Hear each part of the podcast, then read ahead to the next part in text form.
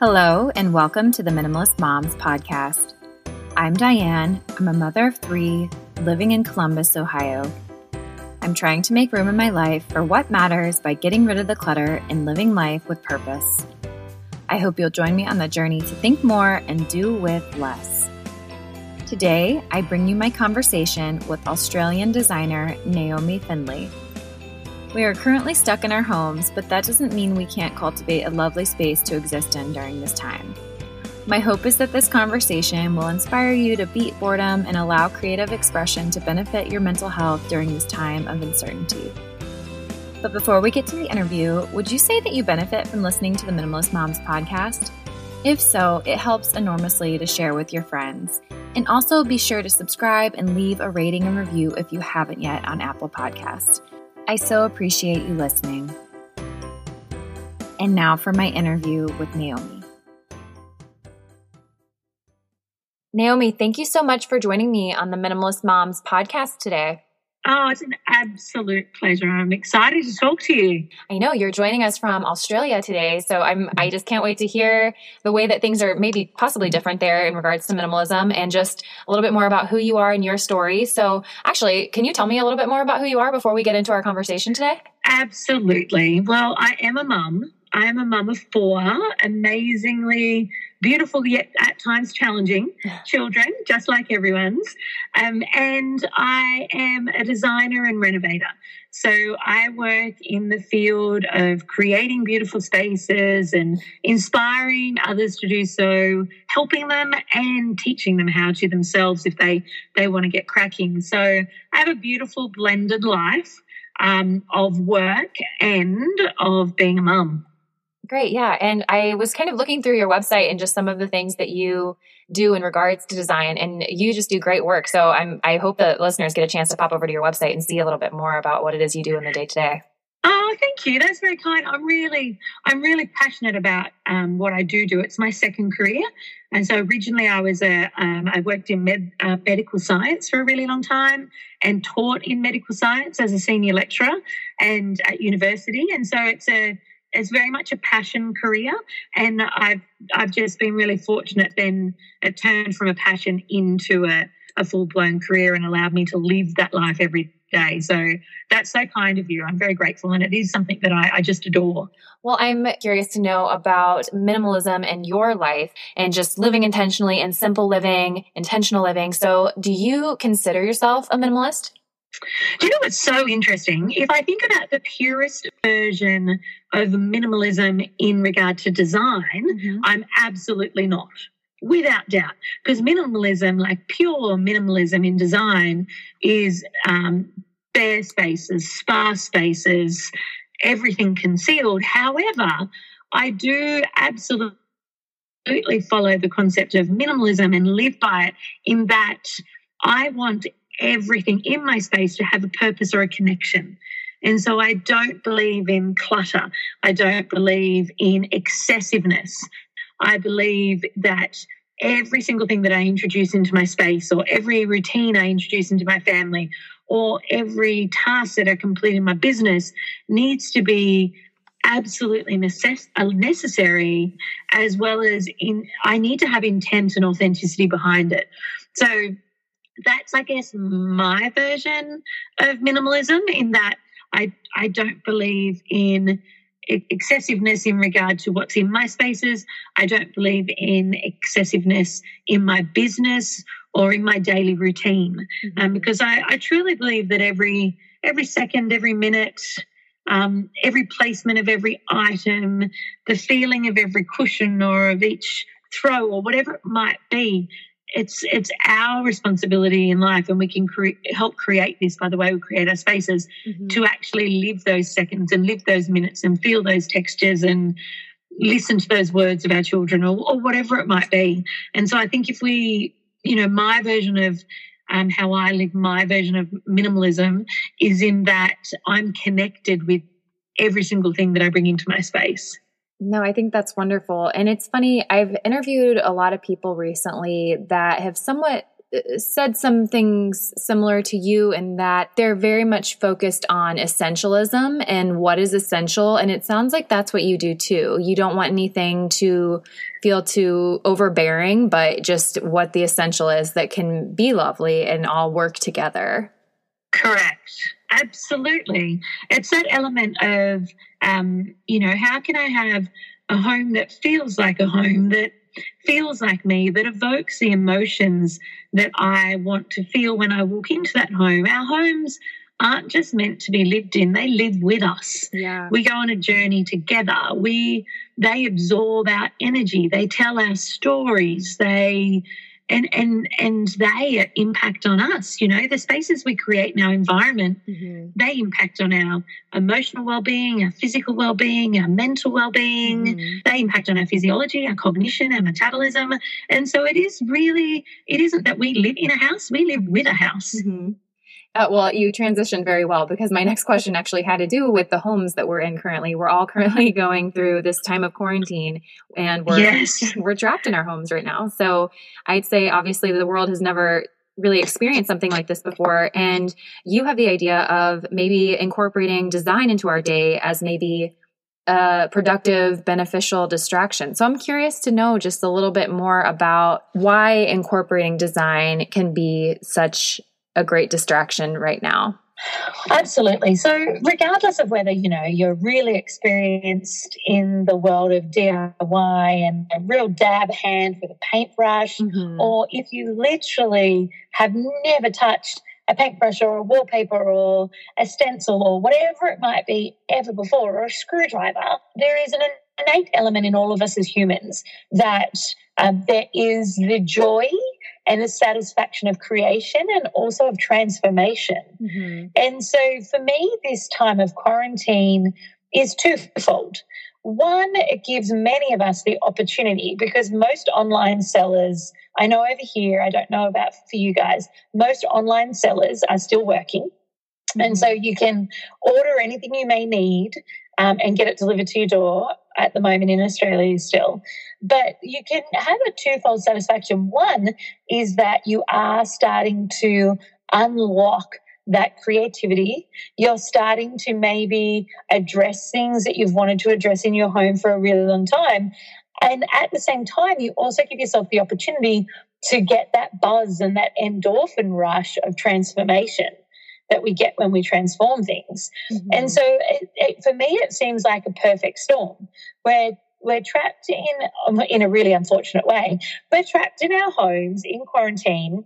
We've got more time than we have had before mm-hmm. to either address things in our home or to learn new skills. Mm-hmm. And at the same time, the things that we then transform, the things that we then do, can feed back in and impact onto how how we're enjoying our time in our home. Mm-hmm. Absolutely. And I know that everyone's situation is going to look a little bit different depending on maybe how many kids you have at home or if you have a spouse at yes. home with you or what your financial situation might be. But I think even just maybe reorganizing your furniture in a different way or i'm all about like living with less obviously and taking things down off the walls that might not need to be there yes. clearing the countertops play with that stuff you have the time right now and I think that all of us can come up with maybe 20 minutes even a day to organize our space differently. Absolutely. So you can even, it can be inside and outside as well. So you could even take every accessory and every piece of art that you might have in your home off mm-hmm. from where it is, put it on your dining table, remove half of it. So the things that you don't love, remove them, put them away out of sight, mm-hmm. and then restyle your home with the 50% that's left there. Mm-hmm. So, one, you're removing excess clutter, you're removing visual distractions and hence mental distractions and emotional clutter, mm-hmm. and you're refreshing your spaces. It's amazing how good a vase of foliage that was in one space that you're kind of over can look in a totally different space because it is all relative and all contextual. The other thing is, you know, I'm actually sitting at the front of my house right now mm-hmm. and I'm looking at some pots that I've got that have self propagating plants in them. Mm-hmm. And I'm like, wow, they're really overcrowded right now.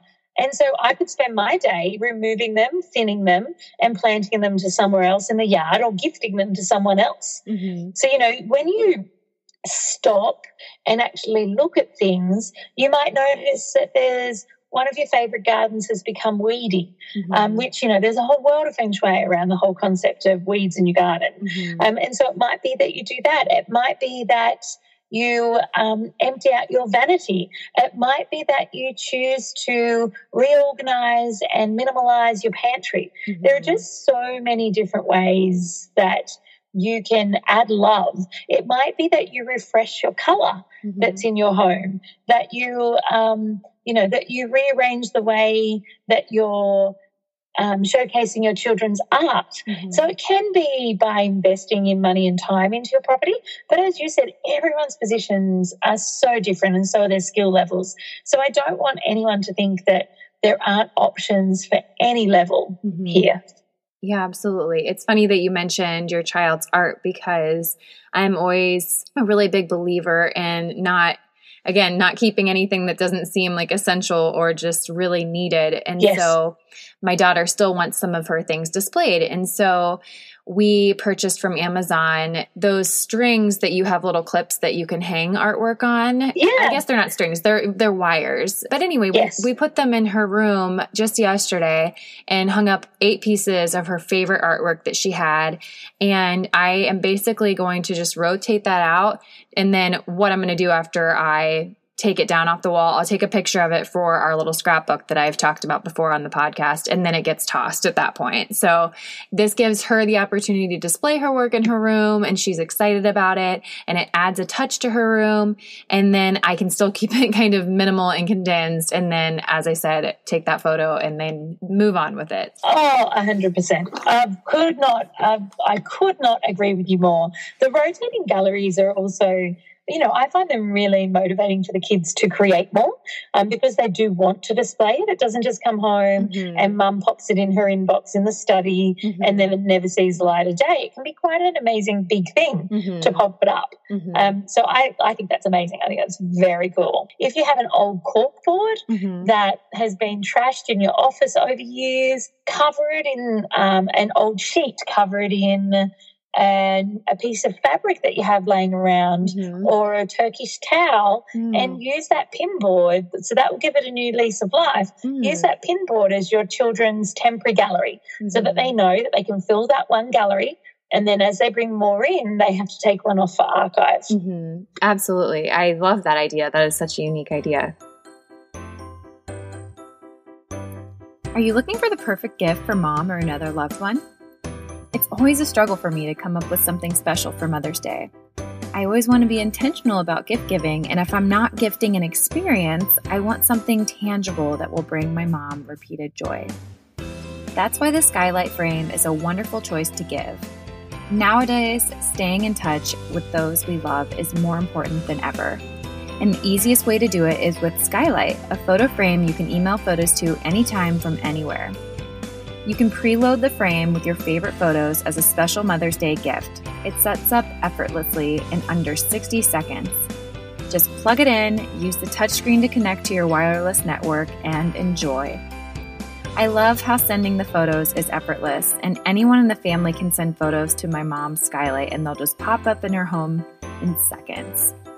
I'm just really excited to give this as a gift because it's something that I know will bring my mom joy every day as she receives photos of her grandchildren that she can just scroll through at her leisure. Now, as a special holiday offer, you can get $10 off your purchase of a Skylight frame when you go to skylightframe.com slash mm and enter code mm. That's right, to get $10 off of your purchase of a Skylight frame, just go to skylightframe.com slash mm and enter code mm. That's S-K-Y-L-I-G-H-T-F-R-A-M-E dot com slash mm. And now back to my conversation with Naomi.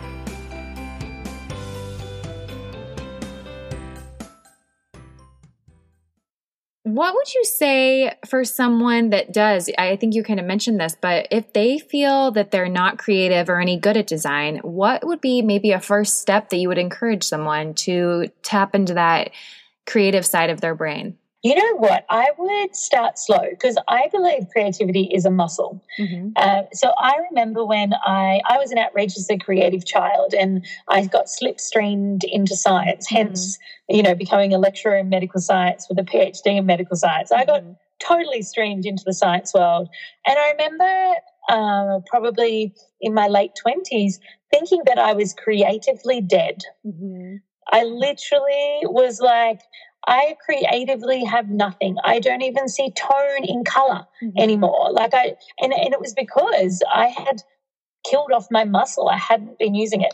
And so I wouldn't want anyone thinking that all of a sudden they need to like sprout these phenomenally creative ideas. Mm-hmm. I would just start working your muscle, start to find your muscle first. Mm-hmm. And one of the ways to do that is to energetically do it. Mm-hmm. And so let's try and get the juices of transformation and the good, happy hormones and the endorphins of transformation and creation without your your mind having to be involved too much. So let's start with, for example, transforming something in the garden that from maintenance perspective, because that you kind of know what to do there you know, I need to weed, I need to mulch, mm-hmm. or I need to power hose off the driveway, or I need to clean the cobwebs down. So start to get the muscle working. And then I would literally find a room that you wished was different in your home, mm-hmm. even if you didn't know what you wished was different about it. So find a room that maybe it's your bedroom, maybe you aren't restful in there, maybe you want it to be more like um, a minimal, minimalist retreat. Um, so find a room that you want to focus on and then throw yourself into Pinterest mm-hmm. or in, I prefer Pinterest. But the reason I say do that is often, and I work with my clients like this all the time and my students, I'm like, it's so much easier to identify what you don't like than what you do. Mm. Like it's very easy for people to be like, oh, I don't like that. Oh, I don't like that. Mm-hmm. Oh, I don't like that. It's just sadly how we're wired. Mm-hmm. And so by throwing yourself, so identifying a space, so get your muscle working by starting to do some transformation in your home. And then when you want to start to go creatively, how do I do that? Find a space that you wished you could change. It may be your study, it may be your bedroom, it might be your infant's bedroom. Mm-hmm. And then start to pour yourself into imagery, visual imagery. So creativity, you know, is either it's it's in action mm-hmm. it's in vision it's in voice it's in writing and so throw yourself into the action of um, first being visually stimulated having conversations about what you do and don't like in the space, and then in action by either writing down words of what you do and don't like, or ideas that you have, or drawing pictures. And you'll find this will start to lubricate and oil and grease up the wheels of your creativity.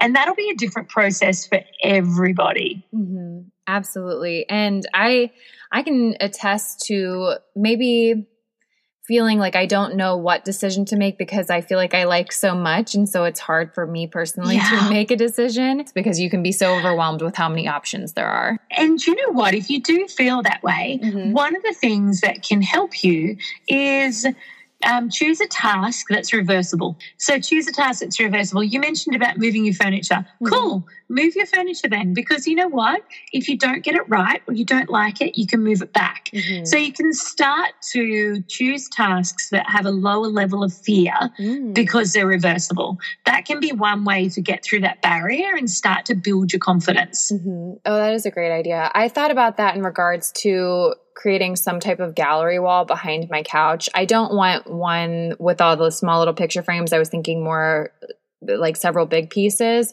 but I'm hesitant yes. to drill a bunch of holes into our wall until we know. So I was like, maybe we can use painter's tape. Maybe we can do use command strips. So I, yeah, I like the idea of kind of a low risk prior to making that. Hundred percent. You could even print the photos that you're going to be putting in frames, mm-hmm. print them out on normal paper at really low res, mm-hmm. and Blu Tack them on the wall for a little while. Oh, that's a great idea. Hmm. So just take baby steps because it's removable. You know, it won't leave marks. Mm-hmm. And if they mm-hmm. do, you can get rid of them with the magic eraser. Mm-hmm. And then that way, because command strips are good, but sometimes they can be tricky to get off. Hey. Okay. That's good to know. yeah. And so just do it with, you know, use the photos because often it's not the way you lay them out, it's also how they relate to one another. Mm-hmm. So use the exact images that you're looking to do. Take a photo of the real piece on your iPhone, mm-hmm. print it out to scale on a normal printer and then just have it on your wall in a temporary manner with painter's tape or Blu Tack mm-hmm. until you're sure that's exactly how you want it to be. Oh, that's a great idea. Well, what could we do with design that would be beneficial for our mental health? Do you have any other tips in regards to how we can use design for mental health? Oh my gosh, yes. So there's um I call I call it space medicine, uh, which is a combination of you know, environmental psychology, ontological design, and bau-biology. But for me, space medicine is about creating a space that nurtures our mind, our body, and our soul. Mm-hmm. And there's a lot of scientific evidence, huge trials that have been done, research trials that have been done, which prove all of this. And one of the best ways that you can bring space medicine into your homes and into your lives is by connecting your spaces with nature. Mm-hmm. And so there's so many different ways that you could do that on whether you have a, a unit, an apartment, a, a big mansion, a ranch, mm-hmm. whatever it might be. And so there's things like bringing plants inside. So if you are sitting there going, but I kill plants all the time, Naomi, great. Then next time you're pruning in your garden, bring a stem inside and just sit it in a vase of water for a while. You can use artwork that has foliage in it mm-hmm. um, or recurring patterns in it. Mm-hmm. You can bring the colors of nature into your home. So the blues, the greens, mm-hmm. and some, you know, science, research says brown, but I prefer to say timber. Um, you can also bring in natural fibers and textures. Mm-hmm. So whether it's hemps and sisals and metals and stones, um, there's so many ways that you can connect your spaces with nature. Mm-hmm. And that is, it is scientifically proven that when our spaces are connected with nature, it actually improves our overall well being. That makes sense because even on days that are warm enough, honestly, I do it on days that are kind of cool, but I'll open up my windows just to kind of get that breeze going in my home. And that alone yeah. really changes the vibe of my house. It feels so much more cozy and just it gives me such a reset, I guess, in my attitude. I don't know why, it just does. It is it is literally scientifically proven. They've even measured it. Mm-hmm. So I think from memory, don't quote me on it. I think it's something like an overall sixteen percent because in medicine and science there are well-being scores, mm-hmm. and so there was I think it was like sixteen percent increase in overall feeling feeling of well-being. Mm-hmm. The other thing I was going to say is I say this at the holidays. I decorate with music, so I'll just put on Christmas music, and that kind of gets the vibe a little bit different in my home as well. And so I don't know. I just, even changing things like that, I think can really put you in a different headspace and add something to your space. Uh, 100%. Another thing that's really interesting is the concept of visual boredom. Mm-hmm. And that, that is that is another actual concept. I didn't mm-hmm. make it up. Um, and that even having visual variety. So changing your accessories, rearranging your bookshelf, mm-hmm. putting on different musics, as you said, like, mm-hmm. you know, create, choose the music that is the vibe you want to feel mm-hmm. and insert that. We have the ability to design and orchestrate how our spaces make us feel. Mm-hmm we need to be taking care of ourselves this way during this time. Yes. And honestly, even outside of this time, I think this is a time that we can experiment that we do have maybe a little bit excess time at the beginning or ends of days once our children are asleep. And even in the middle of the day, if they're taking a quiet time or just taking a little bit of screen time, we can figure out what it is that we want to take from this time into our lives outside of this and going forward. And I think that's really exciting. I agree. You know, um, I was talking with my community the other week and um, last week, mm-hmm. and it was really interesting. There was, you know, there's just like there would be in the States, there's there's some fear and there's uncertainty and unprecedented times and mm-hmm. not a lot of answers going on. Mm-hmm. But there, for many, there is a vibe of the world is forcing me to reset. Mm-hmm. The world is forcing me to reassess, to look mm-hmm. around me, to shed, to purge, mm-hmm. to do all those things. And, you know, in, in what is a very difficult time for so, so many, if, if mm-hmm. that can be one thing that we can take from it and take out of it to the other side of mm-hmm. this, then I think that is a positive. Yeah, absolutely. And like you said, whatever is essential to us, we are discovering that right now. And that is where the experimentation comes in and the design element comes in. There's just so much I feel like that we can mold and curate right now. And yeah, I just, I think it's exciting. Is there anything else that you'd like to share with listeners?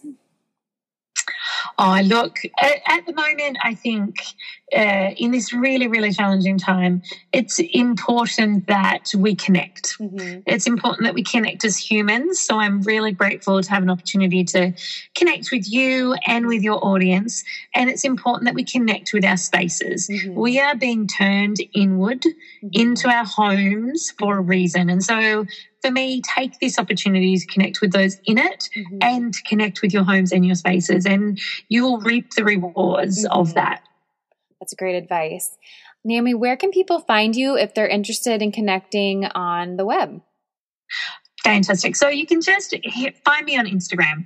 Instagram is is pretty much our new web nowadays, isn't it? Yeah. So it's Naomi Findlay Official or you can head to my website at naomifindlay.com. But I would love to, I would love to see what you're doing in your spaces. Um, so please feel free to, you know, you can DM me, you can tag me. I'd love to see how during this really uncertain time, you guys are all connecting with your homes and making them cozy and minimalist.